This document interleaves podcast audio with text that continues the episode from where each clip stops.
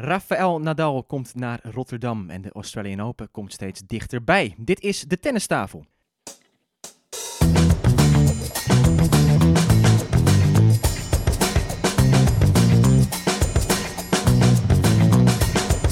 Please take your seats quickly, ladies and gentlemen. Thank you.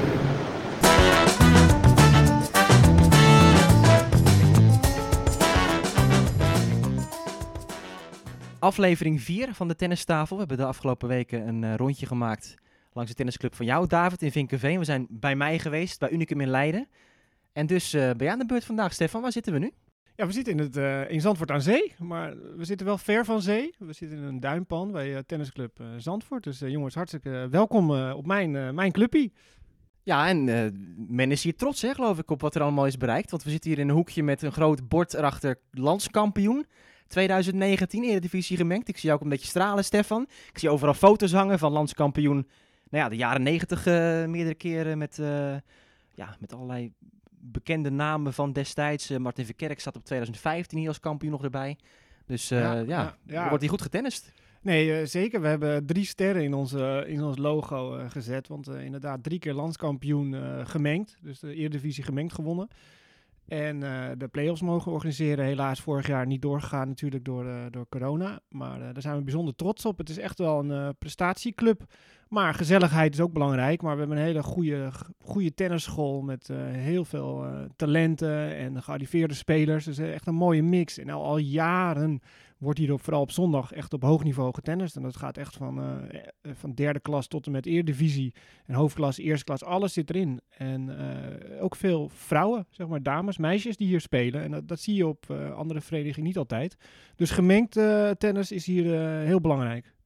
Ja, en je bent een beetje bescheiden en je vindt het helemaal niet leuk om over jezelf te praten. Maar wij hebben hier een prachtig ja, bord op tafel liggen. En daar staat 1999 speler van het jaar, Stefan Kok. nou, dan moet je toch, wij staan erop dat je dat even uitlegt. ja, die heb je mooi gevonden hier in het hoekje eh, afgestoft en wel. Ja, inderdaad, 1999, jeetje, toen was ik eh 21. Ja, toen eh, had ik een mooi jaar, geloof ik. ik. Ja, ik ben heel slecht in jaartallen, maar... eh, volgens- 99. Ja, ja, maar volgens mij was ik toen, eh laatst jaar B1 heette dat. En eh, ja, won ik hier wel alle toernooitjes in, in, in de buurt. Ik, 12 geloof ik. Eén wedstrijd verloren en dat was de Masters finale. Dat was Twaalf finales. Je, je, je doet net alsof Ja. dat eh, gebruikelijk is. En voor, voor de jonge luisteraars, dat is een drie toernooi, hè? Dat we Ja, het over ja. hebben nu. Ja, ja, klopt. Ja. De, wat heette toen nog B1 inderdaad. Ja, ik ben laat begonnen. Ik was 15 toen ik pas echt begon met, eh met competitietennis. Toen werd ik D1 gemaakt of zo. En toen ben ik elk jaar vooruit gegaan.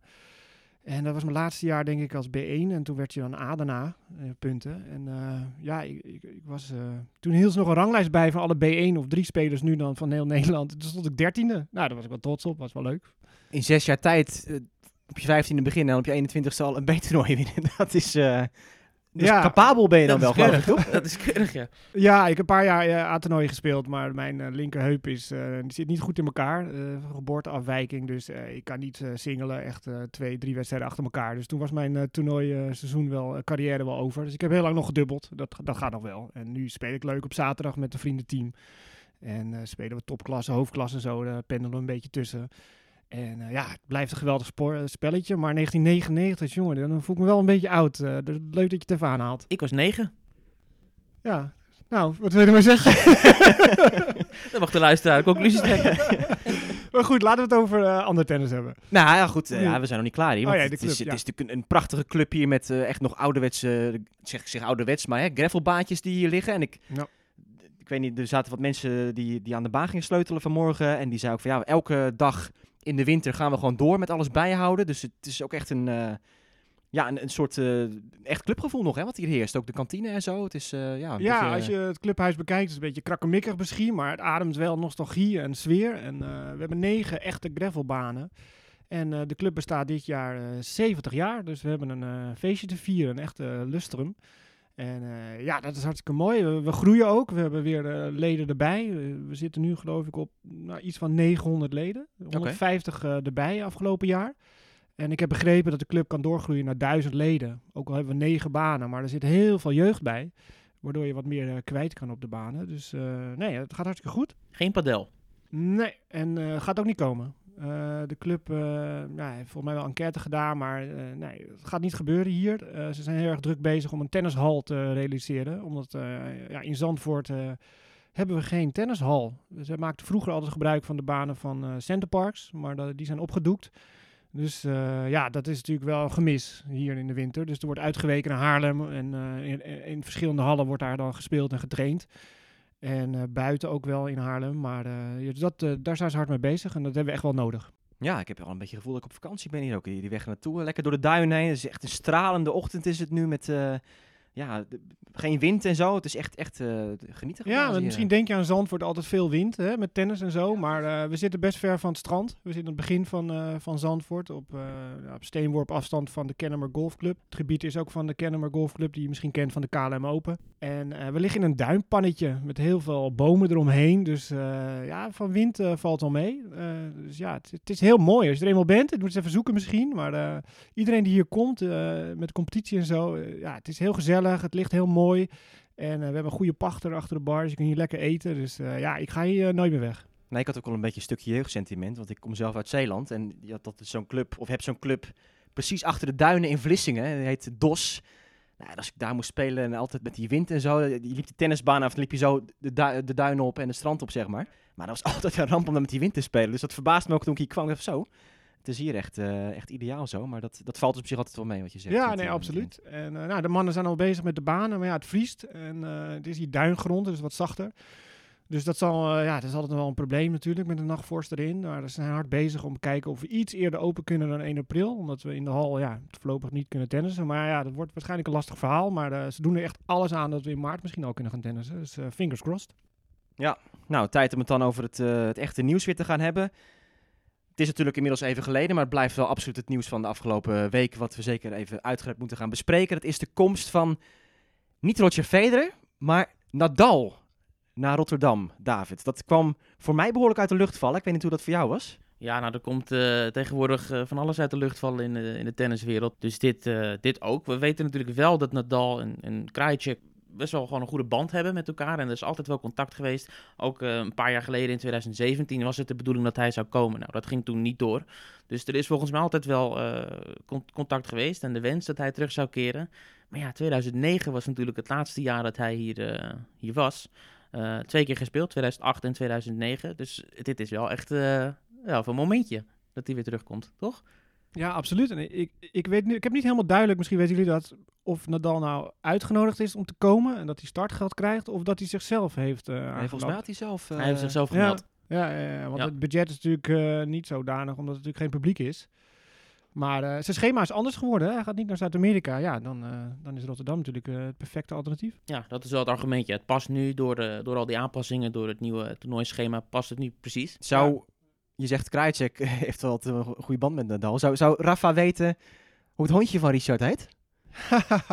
dat is ook een bijtetje trouwens. Eh, Rafa, kleine Rafa. Ra- Kleine Ja, ja, ja. Rafa, ja, vernoemd naar Ja, Nadal, ja, hè? Ik ben Ongelooflijk. een paar keer bij eh, Richard eh, thuis geweest. En dan staat kleine Rafa je op te wachten bij het hekje. blaffend en, en wel. En echt niet proberen om te aaien hoor. Dan hapt zo je, je vinger eraf. Dus dat krijg je altijd als disclaimer erbij. don't touch. Ja, en, Dus- en is, heeft nooit onder stoelen en banken gestoken dat hij gewoon persoonlijk fan is van, van Nadal. Dat, eh, dat weten we. Dus hij zal zelf ook ongetwijfeld heel blij zijn met, eh, ja, met zijn komst. Ja, nee, ja, absoluut. Ik heb hier ook het persbericht. Eh, en dan staat Nadal, eh, die zegt... eh, nou ja, nu het seizoen, het seizoen er zo anders uitziet, past het goed in mijn schema. Nou, top. Het is het toernooi waar ik graag speel en ik hoop op de erelijst te komen. Want daar ontbreekt hij nog op, hè, op de kampioensring.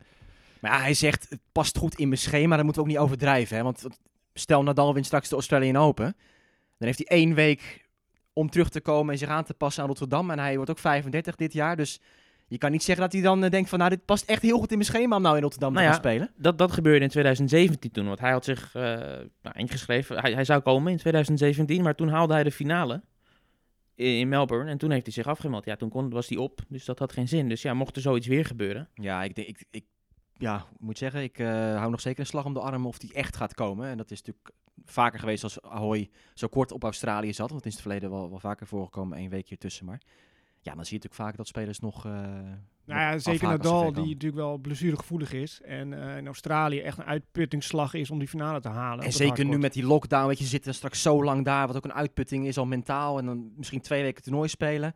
Eh, plus nog die weken voor natuurlijk met de ATP Cup. Dan speelt hij ook met, met Spanje. Dus eh, we moeten nog niet te vroeg juichen, denk Nee, ik. maar goed, het- maar kijk, we moeten met het nieuws leven wat nu, wat nu Zeker. heerst. En nu komt hij. Dus Ja. dat nieuws moeten we noemen. En hij zegt ook, ik verheug me erop om mijn Nederlandse vrienden en fans te zien. ja, Alleen die fans die gaat er niet zien, helaas. Maar, eh, want er mag geen publiek aanwezig zijn. Maar het is natuurlijk wel geweldig voor het toernooi. En, en voor de kijkcijfers wereldwijd. Hè. En voor de allure van het toernooi is het natuurlijk fantastisch. Maar, eh, absoluut, absoluut. maar 2009 noemde je al. Ja. Mij wilde je daar iets over vertellen. nee, tuurlijk, de laatste keer dat er was. eh, waar was jij toen, David? Want ik zie iets op tafel liggen. Ja, ik heb hier mijn ticket liggen van eh, 2009, de finale. Kijk eens. Daar stond hij in. Toen was je dus 19. Ja, dat was Begrijp mijn, ik, dat was mijn eh, je- eindexamenjaar. als je, 18. Oh, ik was 8 toen jij eh ah, oké, speler van het oké, jaar Het was. wordt Dus steeds erger. het wordt steeds erger, ja. Ehm, ja, de 36e editie. En eh, ik heb dat hier liggen. Staanplaatsen, eerste ring. Wat kostte dat destijds? Eh 40 euro, zoiets? Ja, 40 euro. Ja, dat, ik, ik ben erbij geweest toen eh, Rafael Nadal tegen Andy Murray de finale. En ook de halve finale was ik live bij eh, Nadal tegen eh, Monfils. 6-4, 6-4 destijds. En dat was voor mij de eerste keer dat ik Nadal live zag tennissen. En ehm, ja, ik, ik weet nog dat ik eh, vrij verbaasd was. eh, Want ja, als je Nadal nooit hebt zien tennissen en alleen afgaat van wat je leest en wat je ziet op tv... En dan zit je helemaal met, oh, die spin ontzettend dit en dat. En oh, die bal die gaat eh, hè, 10 meter over het net. Nou ja, er zat veel meer vaart en, eh, en, snelheid en, en, vlakte, om het zo maar te noemen, in die bal dan ik had verwacht. Dus ja, dat was absoluut de belevenis natuurlijk destijds. Maar hadden ze toen ook niet de baan aangepast omdat eh, Nadal zou komen? Dat ze hem wat trager hadden gemaakt, volgens mij hoor. Eh, met nu dat verf. zegt, Ja, ja, ja. Ik meen me zoiets eh, te herinneren, ja, zo'n verhaal destijds. Waar was jij toen, Stefan? Ja, dat is een goede vraag. Ik ben heel slecht in jaartallen. Dus dat vind ik een beetje, 2009. een beetje tricky, hè? Ja, een beetje tricky dat je mij weer eh, hiervoor strikt. Eh, ja, ik was er zeker in Ahoy, absoluut. Eh, ik vroeg me af of ik dan misschien nog een stand had. Want ik had toen eh, een dvd uitgegeven over tennis. En deed toen ook nog tennisjournaal en tennismagazine. Dus waarschijnlijk had, stond ik daar wel met een stand. En eh, heb ik alle wedstrijden meegekregen. En inderdaad, die finale ook. Eh, liep, ging wel een beetje als een nachtkaars uit volgens mij. Omdat hij geblesseerd was aan zijn knieën. Ja, hij raakte geblesseerd tegen Andy Murray in de finale. Maar, maar hey, wacht even, een DVD over tennis heb jij gemaakt? Ja, ja, ja, in 2006 en 2007. Oh, die jaren weet je nog wel. Ja, dat weet ik nog wel, want het het was een bijzonder jaar inderdaad. Ehm, een DVD genaamd De Winnende Dubbeltactiek. Kijk eens. En voor de mensen die niet weten wat een DVD is, is zo'n schijfje die in in zo'n soort computer. Maar eh, ja, nee, dat was hartstikke leuk eigenlijk. Heb ik zelf script geschreven en ehm, ja, met pijltjes gewerkt en eh, opnamen met de producent, eh, camera's en dingen, editen. Dat was eigenlijk wel hartstikke gaaf. Het komt eigenlijk omdat ik was tennistrainer vroeger. Ik heb vijf jaar eh, les gegeven en ik, en, ik, ik schreef altijd op het gravel en situaties en zo. En in die hoedanigheid dacht ik van, hé, hey, eh, dat tekenwerk en eh, beeldend is wel belangrijk. En vooral in de tactiek van het dubbelspel. Ja, wat ik al zei, ik singelde niet zoveel meer, maar best aardig gedubbeld. Zodoende hebben we die DVD in elkaar geflanst en verkocht door Bobbelskamp, Weekamp en zo. En eh, ja, we hebben er best wel duizenden nog van verkocht. Dat was hartstikke gaaf. eens aan. Oké. Ja, was wel leuk. En van daaruit ben ik in de media gekomen en ben ik mijn eigen magazine begonnen, krant, et cetera. En nou, nu een podcast. Maar zijn ze nog beschikbaar, de dvd's? Eh, nee, ik heb alles verkocht. Ik heb Oh. thuis nog wel een doosje als je zou willen. Ik, ik heb thuis ook eh, een stuk Ah, of ja, vijf ja. eh, nog liggen. Ja, ik vond je ook vooruit te gaan, hoe ik zeg in de dubbel. Ja, ja nee, het klassieke item. Misschien wordt het ooit nog geld waard. Maar het is wel grappig als ik erover nadenk. Want 2009, jij was dus ook in Ahoy met, met, hè, met de Ja. DVD had je net gemaakt. En je, had, je was toen begonnen met tennisjournaal, denk ik. ja, ja, gratis krant genaamd Tennisjournaal, Ja. wat op alle tennisverenigingen lag inderdaad. Dus, dus jij was daar om die reden was je aanwezig. Ja. David, jij was gewoon als, als toeschouwer, als tennisfan, eh, om Nadal voor het eerst te zien Ja. in, in actie. En ik was zelf, ik was ook inmiddels een paar jaar begonnen als, als journalist. En eh, het is heel komisch dat we dus met z'n drieën eigenlijk in het stadion waren toen. En we kennen elkaar allemaal totaal nog niet. Nee, nee. Dus eh, een paar dagen geleden nog voor, voor Tennis Magazine samengezeten om eh, weer een nieuw nummer te maken. Dat doen we inmiddels al een aantal jaar. En wel komisch dat het dan zo al ja, indirect, indirect speelde, zeg maar, voordat het Ja. allemaal bij elkaar kwam. Ja, dat is wel leuk, ja. Maar goed, ja, 2009, ik zal het nooit meer vergeten, want het is voor mij uniek geweest. Want Nadal, die kwam toen naar Rotterdam als winnaar van de Australian Open. En de Australian Open van 2009, dat was mijn eerste Grand Slam toernooi, waar ik toen eh, naartoe ging voor, eh, voor Tennis Magazine destijds. Ja, en dat is, dat is nog steeds voor mij het absolute hoogtepunt wat ik ooit heb meegemaakt eh, in mijn journalistieke carrière. Van, van een wedstrijd bijwonen, of ja, Australië, weet je, dat is natuurlijk waanzinnig. En het was notabene een Federer-Nadal finale dat jaar en een vijfzetter. Nou, dat was echt, echt waanzin. En Nadal won van Verdasco in vijf uur in de halve finale. En dat was echt, echt ongelooflijk om dat allemaal zo te kunnen meemaken natuurlijk. Dus toen in heel die euforie kwam ik weer terug naar Nederland. En Nadal ook dus naar, naar Rotterdam. En volgens mij was toen ook kort wel erachter achter hoor, die, eh, die tijd. Zat hij in hetzelfde vliegtuig? nou, dat denk ik niet. Ik denk in ieder geval niet dezelfde klasse. Maar ehm, nee, dus toen kwam hij naar, naar Rotterdam en uh, ja, dan was die Nadal-hype in, in, uh, in Nederland. En hij won toen van een piepjonge Dimitrov in de tweede ronde. Die, die pakte nog een set. Volgens mij was het het debuut van Dimitrov op de ATP-tour trouwens. Ja, die, was destijds de nummer 478, Dimitrov. Ja, precies. Ja, die was net- 17 net of zo, begonnen. denk ik. Ja, jij, jij ging hem nog even een goede vraag stellen op de persconferentie. Ja, Dimitrov. ja, ja, nee, hij, hij verloor dus van, eh van Nadal inderdaad. En volgens mij had hij van Berdy gewonnen de eerste ronde. Dimitrov, dat was echt... eh, of, of, nou, ik weet niet meer. Het was iets met Berdy ook. In ieder geval Dimitrov dus, eh, die pakte een set van Nadal toch, geloof ik, hè? Die Ja, wedstrijd. ja, de einduitslag was 7-5, 3-6, 6-2 voor een Ja, maar ja, dus Dimitrov die, die, die komt ook in een persconferentie geven en allemaal een beetje nieuw en een beetje schuchter. En dan merk je toch dat ook zo'n jongen al gewoon mediatraining heeft gehad. Want dan gaat hij zo'n riedeltje afdraaien van ja, ja, of course, I knew, uh, gonna be a tough match and he's a great player. En ja, een beetje die clichés. Ik denk van, ja, wat, is het nou voor onzin? eh, De great player, die speelt tegen Nadal, die nummer 1 van de wereld op dat moment. Net Australië gewonnen. Ik zeg, eh, ik zeg oh, oh ja, great player. Ja. Wel een van de beste waar je ooit tegen hebt gespeeld, eh Grigor. net, net Van zijn tour. twee wedstrijden. Ja, precies. dus ja, toen moest hij ook wel lachen. Maar ehm, ja, nee, dat was echt, echt eh, geweldig. En als je erop terugkijkt, Nadal Murray finale. Enige keer dat we een Big Four finale hebben gehad eh, in Rotterdam natuurlijk. Tussen twee Big Four Ja. spelers tegen elkaar. Ja, ja het, was, het was een drie-setter ook. Nadal won de eerste set, 6-3. Toen 6... Zeg ik dat goed? Nee, de tweede set won hij. Sorry, ja. De, Ja. de einduitslag was 3-6, 6-4, 0-6. Ja, want hij raakte Hij geblesseerd. raakte geblesseerd en die derde set was, eh, was niks meer. Nee, maar die tweede set ging hij alles volle bak slaan, weet ik nog. En Murray die dacht, wat krijgen we nou opeens? Ja. En eh, hij raakte ook alles Nadal, terwijl hij nauwelijks meer kon bewegen. En ja, toen werd het nog een drie-setter gek genoeg. Maar dat was een beetje, een beetje zonde. Maar ja, Ik weet niet of jullie dat ook hebben. Be- Die look van Nadal op dat moment, 2009, dat, ja, dat is in mijn... Als ik aan Nadal denk in mijn hoofd, dan, dan denk ik eigenlijk aan die Nadal met die kleding, hè, met dat shirt, met die, eh, met, met die eh, streepjes zo. Dat was dezelfde outfit als die in Australië aan had. En, eh, en toen nog met die, met die strips op zijn knieën natuurlijk. Zelfs Wit met blauw, hè? Ja. het, ja, maar dat was echt Ja.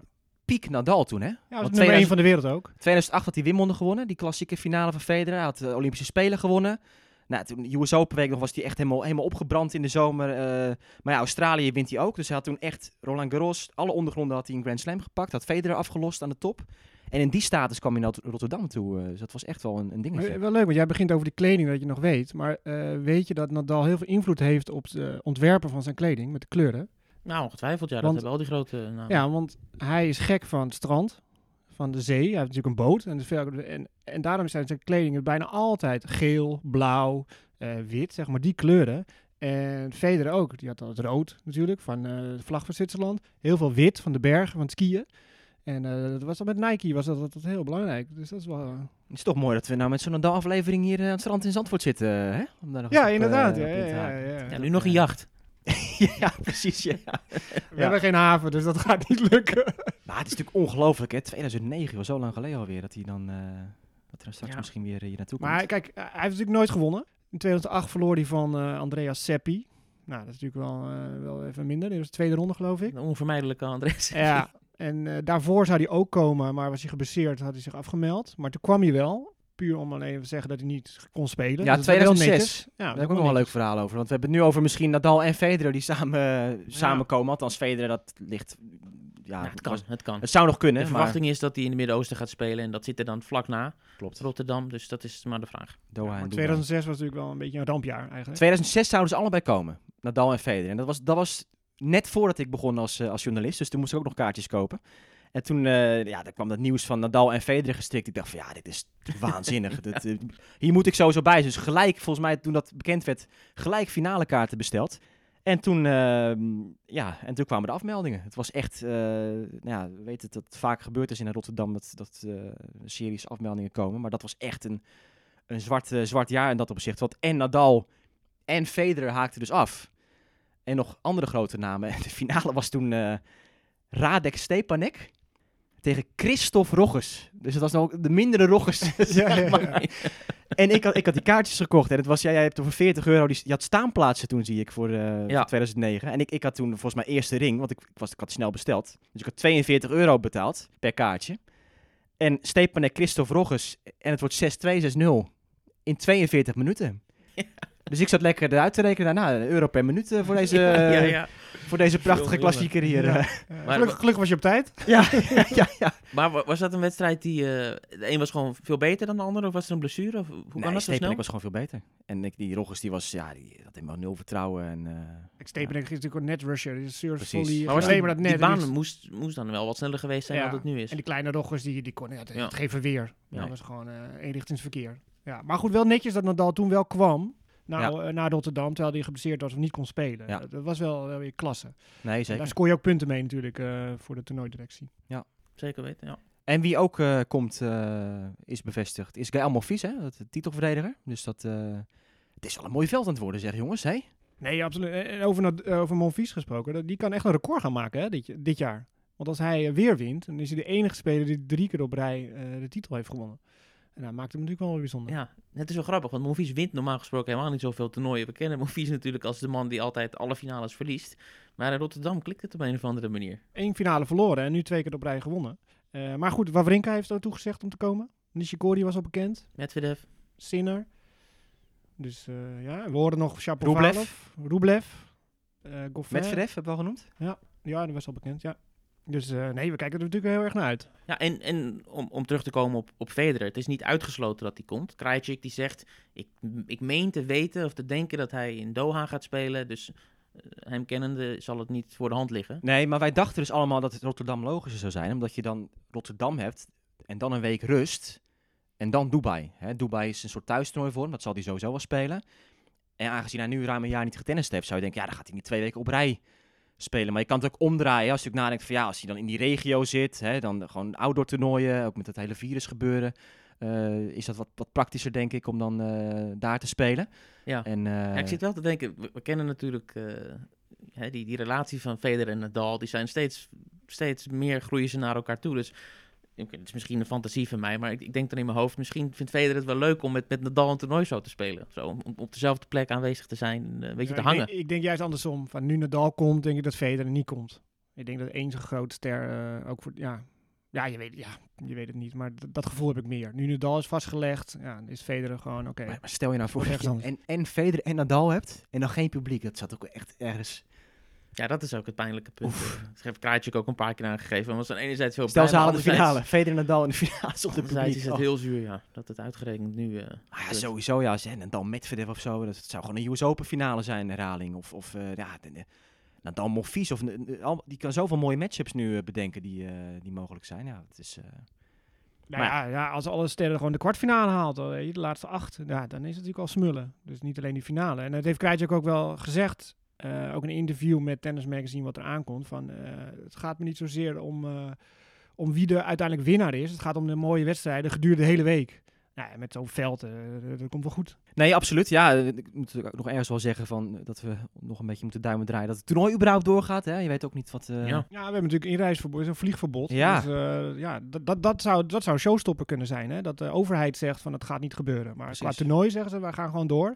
Tenzij er een inreisverbod is. Of, of van de overheid of, of de lokale eh, heden- overheden zeggen van het mag niet als evenement. Maar het toernooi gaat in ieder geval eh, goede wil vooruit. Murray, is daarover gesproken in Rotterdam? Of die zou komen eventueel? Zou een logische Het keuze zou een logische zijn. keuze eh, zijn. Maar niet hij, naar hij- Australië, hè? hij- Hij maar hij komt dus uit het Verenigd Koninkrijk. En daar is Ja. dus zo'n verbod eh, voor ingesteld nu.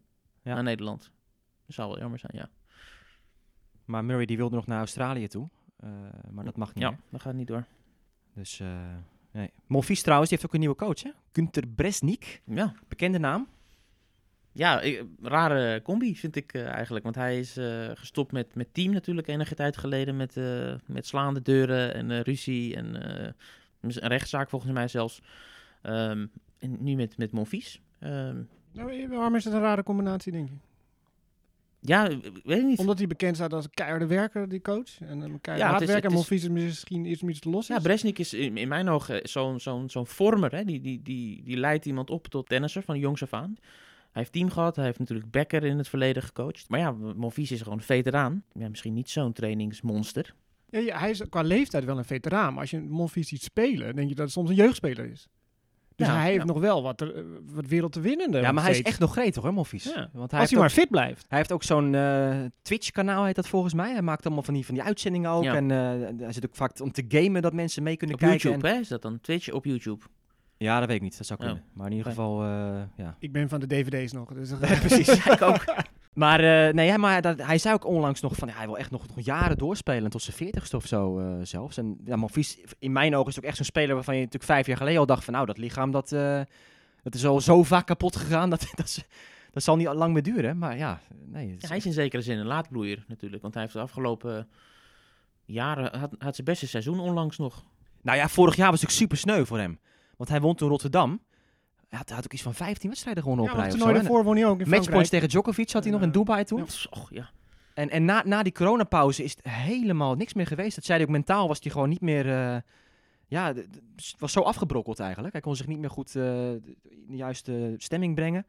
En eh, ja, zo, een beetje sneu vond ik dat wel. Want ja, het was echt, echt een speler die eh, ja, met Djokovic gewoon het beste, beste seizoenstart had eigenlijk. Ja, maar die man kan alles. Die kan eh, vertragend, verdedigend spelen. Maar hij kan ook heel snel spelen, naar het net gaan. En eh, ik denk dat hij soms moeite heeft om die keuzes te maken. En dan is aan een nieuwe coach om die discipline erin te, eh, in te gooien. Dat hij zich houdt aan een bepaald wedstrijdplan. Zullen we even doorschakelen naar Down Under? Want we zijn weer een weekje verder natuurlijk. De hele quarantaineperiode komt zo langzamerhand op zijn eind. David, wat is de, de, de stand van zaken zo'n beetje? Is er nog wat gebeurd daar de afgelopen week? Zijn er nog schandalen geweest, gemekker, gemopper of eh, nou ja, Mensen ontsnapt. Geen mensen ontsnapt, eh, voor zover ik weet. muizen? Muizen, ja. Ja, dat is een heel ding inderdaad. Er zijn veel klachten geweest en heel vaak eh, onterecht. Maar er is één iemand die, die wel een puntje had. Eh, Julia Putintseva, die, eh, ja, die, die een muis in haar kamer had. Toen is verhuisd naar een andere kamer. En, en die muizen die waren weer terug. Meer dan één zelfs, geloof ik. Dus het is een wonderlijk eh, verhaal. Ehm, maar ja, we zijn inmiddels in de tweede week van die quarantaine aangekomen. En ehm, ja, e- eigenlijk het belangrijkste nieuws is misschien wel dat er dus één speler is...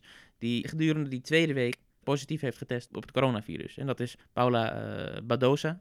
Speelster die we eerder hebben besproken, omdat zij eh, ja, een van de mekkeraars was vroeg. Ehm, maar dit bewijst dus dat het systeem werkt. Hè? Want zij heeft dus de hele eerste week eh, negatief getest. En nu die tweede week van de quarantaine, met die hele incubatieperiode en noem maar op. Blijkt dus, zij is nu positief. En ja, die, eh, die mag opnieuw beginnen. Ja, dat, die, die zit nog even langer vast natuurlijk. Dat is, eh, dat is En voelt zich ook niet, niet heel goed. Niet goed, nee. Dat Ja. is het belangrijkste, hè, dat de gezondheid eh, dat Ja. ze ziek is natuurlijk. Nee, dat is gro groot nieuws inderdaad. Nou ja, weet je wat ik raar vind? Is dat eh, de, de, de Spaanse tennisfederatie, Ja. Die hebben dus echt een, soort boze brief eh, opgesteld. Van ja, dit kan helemaal niet.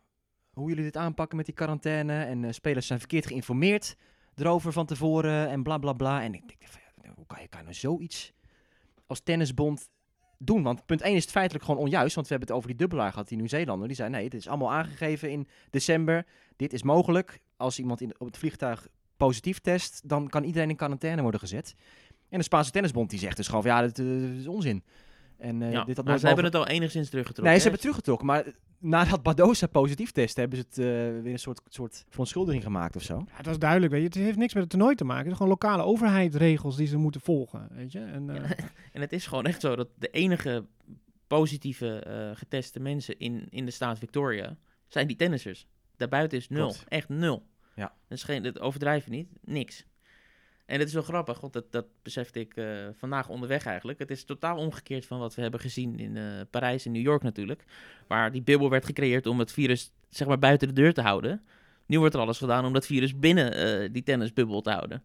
Omdat de mensen eromheen anders in gevaar komen. Zo'n grappige tegenstelling. Ik vind het apart dat er maar één speler nog bij is gekomen die positief heeft getest. Want ik, dacht van ja, dit is onvermijdelijk dat hier gewoon... ja, een handje vol toch zeker wel. Hè? Op zo'n vliegtuig tien uur gevlogen met z'n allen. Met een positief persoon aan boord. en wat gaat er dan gebeuren zodra die eh, kamerdeuren open gaan en ze mogen uit quarantaine? Zijn ze dan gewoon vrij? Mogen ze alles doen wat we vroeger, zeg maar, vroeger, eh, vorig jaar, het jaar daarvoor ook allemaal mochten? Gewoon knuffelen, handen schudden. In principe is er dan geen Nee, want ik, ik, ik zag ook weer beelden net vanuit Melbourne. Dat, eh, het is daar vandaag de warmste dag of zo, geloof ik. 36 graden. En mensen allemaal naar het strand. En ja, het- je kijkt ernaar en je schrikt gelijk even over. Hè, wat zijn ze allemaal doen daar? En ik van, oh nee, wacht, het kan daar gewoon. Weet je, het is daar gewoon allemaal uitgebannen dat Maar virus. volgens mij is er wel een soort regeling dat je mondkapjes moet dragen als je eh, indoors bent. Want we hebben gezien dat Ashley Barty, die kreeg allerlei kritiek over zich heen eh, afgelopen week. Omdat ze een winkel eh, had betreden zonder mondkapje. Daar heeft ze toen excuses voor aangeboden. Dus er is wel iets qua regeling met mondkapjes. Dat, dat stond in de kranten in Australië. Weet je wat mij nou opvalt? Is dat we zo weinig zien van die sterspelers die in Adelaide zitten. Ja, maar die hebben een instructie gehad, hè? Die mogen niet op social Nou media ja, iets dat posten. is niet zo handig. Nee. Nou, dat hebben ze een, een paar hebben dat gedaan en dat is niet, niet zo goed ontvangen door eh, de rest. In Melbourne, Venus Williams bijvoorbeeld, die had eh, op haar Instagram een heel verhaal over de, haar keuken in de, in de gigantische kamer waar ze in zat. En ze heeft daar gewoon een soort eh, maaltijd eh, geprepareerd. Een, an- een ander punt wat, wat kennelijk heel erg eh, de spelers in Melbourne irriteert, is het feit dat die spelers in Adelaide, die elite groep, een balkon hebben waar ze ook regelmatig op verschijnen, hebben we gezien op allerlei foto's en video's. Terwijl in Melbourne, eh, zoals jij Stefan al had aangekaart in de vorige aflevering, is er geen raampje dat open kan. Ehm, Nou ja, je ziet dus gewoon dat van die luxe van Venus die jij beschrijft tot aan foto's eh, of, of beelden van, van spelers die in die harde quarantaine zitten, die gewoon echt op een stofzuiger moeten Ja, ja, blijven. ja. Die moeten gewoon eigen kamer stofzuigen. Het is ongelooflijk. Ja, ik, ja goed. De, de reden dat die spelers daar zijn in Adelaide, dat is misschien wel even belangrijk om nog een keer te herhalen. Het is niet zo dat zij dat geëist hebben of wat dan ook. Op een gegeven moment, althans dit was het eerste verhaal, was gewoon die, eh, zeg maar, die topcapaciteit van een aantal mensen die in Melbourne opgevangen konden worden Precies, onder die quarantaineregels, was gewoon gehaald. Ja. Hè, er kon niemand meer bij, dus ja, toen hebben ze gedacht, oh, we moeten een, een selecte groep moeten we buiten de staat Victoria op gaan vangen. Volgens mij mochten er 1200 mensen binnenkomen in totaal. En, en daar gingen ze dus overheen. Ja, Dus toen hebben ze een soort creatieve oplossing Ja, bedacht. waar dat kunnen het- we deze mensen anders onderbrengen? En toen Klopt. hebben ze die staat van eh, waar Adelaide dan in ligt eh, benaderd. Ik ben even kwijt. eh, West, is dat Western Australia? Nou, maakt niet uit. Nee, niet, niet, niet New South Wales. Nee. Nou, weet Nee, doet er niet toe. Ehm, dus die hebben ze toen benaderd van, hè, we moeten een, een, een selecte groep mensen willen we graag bij jullie onderbrengen. Vinden jullie dat oké? Nou, eerst handelen dus nee, vinden we niet oké. Wat hebben wij er in hemelsnaam aan om die spelers op te vangen? We hebben niks met die Australian Open. Ehm, nou, toen hebben ze gedacht, wat, wat kunnen we doen zodat wij er ook iets aan hebben? Toen hebben ze gezegd, oké, als jullie de betere spelers naar ons toesturen, dan kunnen we hen opvangen en een demonstratietoernooi houden, waar we dan tickets kunnen verkopen en dergelijke. Dus dan hebben wij er ook nog wat aan als Adelaide zijnde. En, en toen zijn dus eh, die, die betere spelers die kant op gegaan. Dat is de reden dat uitgerekend die spelers daar zijn. Ja, het klinkt allemaal heel logisch en allemaal terecht. Maar ja, je zal toch in die harde lockdown zitten. En, je ziet Djokovic gewoon lekker boek lezen op het balkon. En eh, de straat in kijken naar van alles eh, zien gebeuren, weet je, in de frisse lucht. Ja, Nou ja, het is dan ook niet handig dat zo'n Craig Tiley, die Australian Open directeur, dus dat verhaal wat ik net heb gehouden, nou, er zit enige logica in. Maar dan gaat hij een, week later gaat hij zeggen, ja, elite spelers zijn het nou nou helemaal elite spelers. Het zijn VIP's en die hebben dan een betere behandeling nodig. Het is logisch dat het zo werkt. Hè? Ja. Dat als je een bepaalde status hebt. Ik dat blijf je... gewoon bij eerste verhaal, zou ik dan zeggen. Ja, nee, dat heeft hij Ja, maar letterlijk zo alle gezegd. spelers zijn belangrijk op de Australian Open. Want zonder die andere 120 spelers eh, heb je geen topspelers. dus maar- kom op. Het is, Tyler zegt het is logisch dat zij wel bepaalde. Als je, als je in de top bent, dan is het logisch dat je bepaalde privileges krijgt. Zegt, eh, Ja, dat is ook zo. Je krijgt een betere plek in de kleedkamer, et cetera. Dat, is, dat is ook wel zo. Eh, maar het is mentaal dus extra zwaar voor die, voor die andere gasten die dus in Melbourne vastzitten. hey, maar wat vind je dan van die oplossing die de WTA nu heeft bedacht? Dat, eh, er zitten 27 speelsters in een harde lockdown. En er komt nu een extra WTA-toernooi. Alleen voor die spelers die in die harde lockdown zitten. ja, ja, ik wil je creatief. Dat is Hè? bijzonder, toch? Ja, ze- en krijg je er ook punten voor en zo. Ja, ja, en, eh, het- alles het- erop en eraan. Want er waren dus twee WTA 500 toernooien in die week. Er komt nu een derde bij. En dat is een schema 28, dus er worden al die 27 worden erin ge- ingezet. En ja, dat kunnen ze ook doen, want echt door, over de breedte, er zitten echt een aantal top, toppers bij. Weet je, Andrescu zit erbij, Azarenka, Stevens, eh, volgens mij Kerber en, en nog wat meer. Dus, dus meer, hè, als je natuurlijk alleen maar spelers had van ranking 60 tot 90, noem maar wat. Ja, dan zou het wel gek zijn als je voor hun een WTA 500 toernooi apart maakt. Want dan deel je echt ineens eh, gigantische punten Ja, uit zomaar, uiteraard. Maar het is, ehm, ja, het, het is natuurlijk echt super apart. Geen, geen open inschrijving of zo. Nee, echt dit groepje alleen. Boom, jullie gaan een WTA-toernooi spelen. En dan wie het zwaarst heeft gehad, die is eerst geplaatst. En dan wie het minst zwaar, die wordt tweede geplaatst. Dus wie een muis op de kamer had, is dan, eh, heeft dan baai in de eerste ronde. Gaan we het Ja. zo, eh, Ja. zo verdelen? Goed, het, het is eh, een beetje houtje touwtje allemaal. Maar ja, ik, ik denk dat die spelers vooral gewoon heel blij zijn dat ze geld en punten kunnen verdienen. Want die ze anders mis zouden lopen. En de vraag is natuurlijk ook van waarom doet de WTA dit wel en de ATP niet? Nou ja, punt 1 is de ATP een hele andere organisatie. Maar de ATP heeft ook al, naast die twee toernooien die zij hadden, hebben ze ook de ATP Cup nog. Hè, dus die hebben al drie evenementen en dat is gewoon, dan kan je niet nog een keer een toernooi erbij Ja, eh, er is wel over gesproken, maar de ATP die heeft gezegd... wij hebben niks extra's nodig. Het enige Nee. wat wij nodig hebben is dat we die ATP Cup en dat andere toernooi... dat tegelijkertijd met de ATP Cup is, Ja, twee zelfs. ver- eh, verschuiven. 24 uur. Dus dat begint gewoon een dag later. Dan zijn wij Oh, oké. Oké, oh, dat wist ik niet. Ja. Oh, dat is, eh, Ja. oké. Ja. En Botik is dan een Nederlander die in harde quarantaine zit. Die zal twee weken dus op zijn kamer moeten blijven en mag niet trainen. En die heeft gezegd van nou, als ik eruit kom, ik meen dus dat zaterdag aanstaande, nou, kan ik twee, drie dagen trainen en dan kan ik aan mijn eh, toernooi beginnen. Dus eh, ja, die, die gaat er wat nuchterder mee om. En eh, die gaat dus wel spelen gewoon. Ik, eh, net voordat ik wegreed hier naar Zandvoort, had ik nog even CNN aanstaan. En toevallig kwam Nick Kyrgios daarin voorbij. Die werd geïnterviewd. Nou, dan ben ik altijd benieuwd hè, wat, eh, wat, wat, wat Ja. onze Kyrgios eh, eh, te melden heeft. Die komt uit Canberra, de hoofdstad van Australië. En die hebben we niet, niet meer zien spelen vorig jaar, na de, na de corona-uitbraak. En die zei ook echt heel open van, ja, weet je, ik, ik voelde me niet veilig toen om nog te gaan reizen. En ik vond het ook gewoon echt, ik vond het ongepast Ehm, gezien hoe de wereld er toen voor stond om, eh om, om tennistoernooitjes te gaan spelen. Nou, Kyrgios is altijd al iemand die behoorlijk relativeert, hè, de tennissport. Als er, als er ergens kritiek op hem is of zo, of er, is, of er gebeurt iets eh, in de tennissport, dan haalt hij gelijk al de, de, de situatie in Afrika erbij, bij van spreken. Om dingen in perspectief te plaatsen. Maar die, ehm, nee, die- goed, hij heeft er nou weer heel veel zin in. Hij is helemaal opgeladen weer. Eh, zegt ook van, ja, ik kom uit Canberra. We hebben daar dus echt, moet je je voorstellen, zes, zeven maanden nu al nul COVID-cases. Onge- onvoorstelbaar. Ja. Ehm, dus ja, die, die leven daar gewoon weer een normaal leven al, al lange tijd. En eh, ja, hij zei ook van, nou ja, weet je, als iedereen eh, de pandemie-uitbraak had uitgepakt zoals wij in Australië, dan hadden we waarschijnlijk nu in een hele andere situatie gezeten met z'n allen. Dus eh, ja, die Kyrgios die had ook vaak al, hoorden we hem tijdens die eh coronapauze van, ja, weet je, wat de wereld allemaal aan het doen is, van eh, doe even normaal. En hij was echt weer een stem van, eh, hè, om het allemaal Voice of. Reason. Voice of Reason. Ja, maar dat had hij vorig jaar ook met die borstbranden. Hè? Dat Klopt, greep ja. ook heel erg aan. En hij doneerde ook heel veel geld. Ja, En hij organiseerde klopt. volgens mij nog een benefietwedstrijd voor die brandweermannen. Eh met Ja. Federer en zo. waar Hij was in daar, eh, Maar hij was groot, heel eh, erg bij ja. betrokken. Dus hij is wel sociaal, is hij wel betrokken. Ja, hij doet ook heel veel voor kinderen. Ja. Met zijn stichting en zo. Het is natuurlijk een rare kwiebus op de tennisbaan. Maar daarnaast, eh, hij heeft toch wel een, een groot hart. Ja, en, en dat relativeren wat je zegt. Hij heeft ook wel eens van die eh, ja, soort columnachtige dingen geschreven. De Player's Voice en dat soort dingen. En één ding wat hij daarin heeft gezet een paar jaar terug... is altijd bij mij bijgebleven. Hij zegt, oh, dat tennis en al, wat zit er allemaal druk om te maken.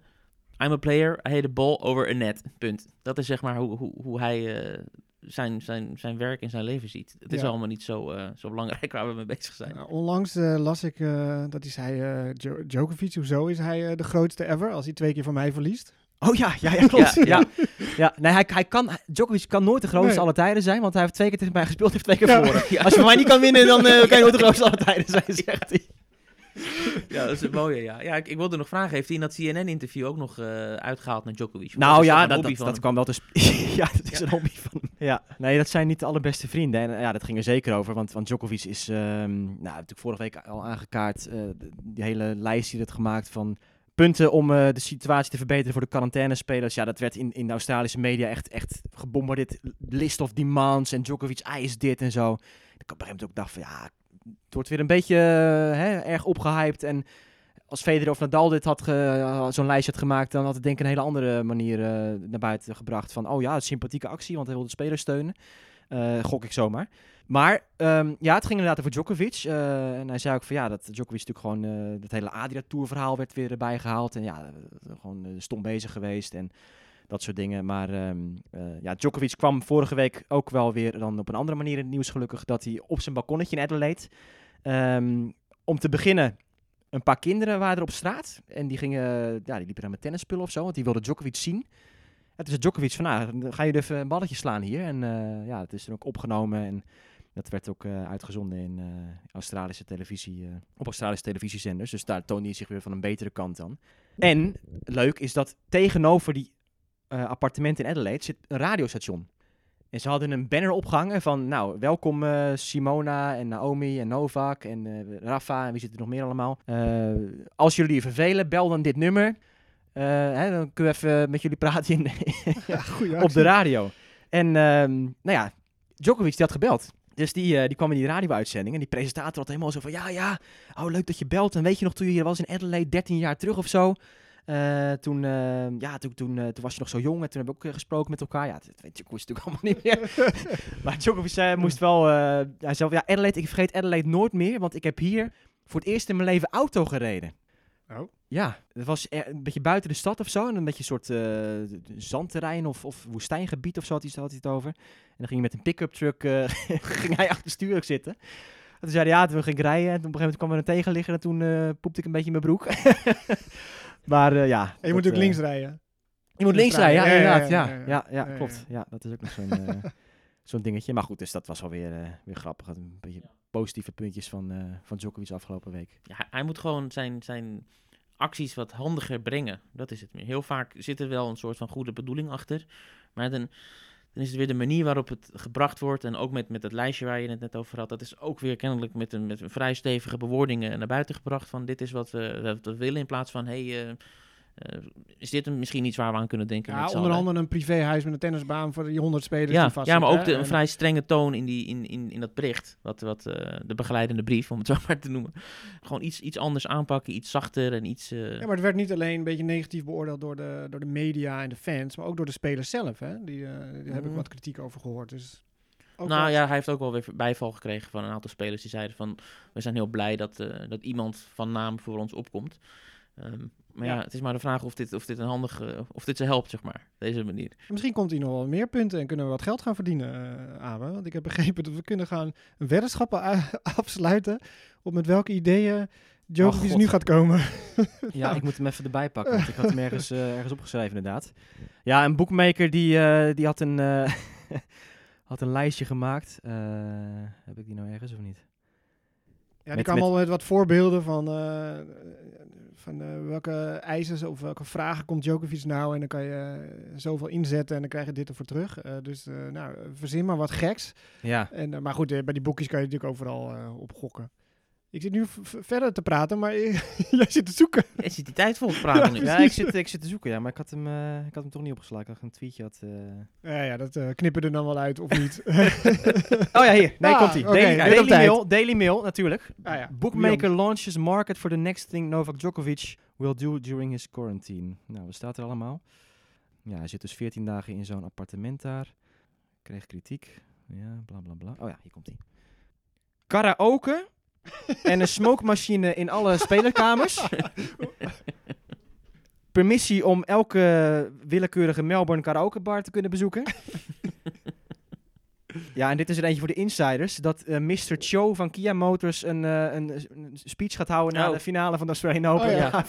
Ja, dat is een wereldberoemde meneer in, in de tenniswereld. En de mensen die de prijsuitreikingen bekijken na de finales eh, in Melbourne... is er altijd eh, ja, een, een vertegenwoordiger van, eh, van Kia... Die, die altijd een eindeloos lange speech houdt. Ja, Ehm, ja, hoort er een beetje bij, die man, dat natuurlijk. eh, Djokovic en eh, Nadal zo'n stoel kregen, want Ja. die konden niet meer op hun benen staan. En dat en die man Cho, ging maar eh, door, ja. ja. maar, door. 2012. maar die karaokebar, volgens mij heeft, was dat Cuevas die eh, op de hotelkamer al een hele discotheek Zo. had gebouwd. Ja, Cuevas die eh, heeft voor het nodige entertainment gezorgd. eh, ja, die ging surfen op zijn matras. En hij had ook een keer alsof hij op een ziekenhuisbed lag eh, met, eh, met zo'n monitor ernaast. Ja, allemaal zo'n scène gecreëerd. En een En tropical party met eh, corona's. Ja. Ja. Zat hij te drinken. je kan ook nog inzetten op dat er een aparte quarantainekamer voor zijn poedels komt. Als je dan 1 euro inzet, krijg je 51 euro terug. Als het inderdaad zo... eh, Nou, dat is wel de moeite is. waard. Dus, ja, dat wat betreft eh, Novak Djokovic. Volgens mij zijn we ver rond, jongens. Hebben we nog... eh, Nou, ik wil, ik wil even zeggen, ja, volgens mij hebben we het onderwerp gehad. Dat een belangrijke week voor ons. Want Tennis Magazine gaat naar de drukker. Ja. Dus die verschijnt vlak voor de Australian Open. Waar we ja, heel hard aan hebben gewerkt. En volgens mij hebben we wel weer een mooi nummer gemaakt. Met onder andere eh Krajcek interview twee keer. Dus zowel Misha Krajcek als Richard Krajcek staat erin. Een mooi portret van Daniel Medvedev. En alles over het ABN-toernooi. En eh, de voorbereiding op Australian Open uiteraard. En ehm, er is nog ander media nieuws. Ziggo Sport heeft bekendgemaakt dat ze een eigen tenniskanaal gaan lanceren. Dat is natuurlijk eh, mooi. Ziggo heeft de ATP-rechten overgenomen van ESPN dit jaar. En vanaf 1 maart komt er dan echt een eigen tenniszender met de ATP-toernooien. Eh, de Davis Cup, ATP, Rosmalen, WTA Rosmalen, ABN AMRO-toernooi natuurlijk ook. Eh, Wimbledon hebben ze ook eh, een sublicentie van Eurosport. Dus dat gaan ze ook weer uitzenden. Dus ja, dat is interessant. Sublicentie?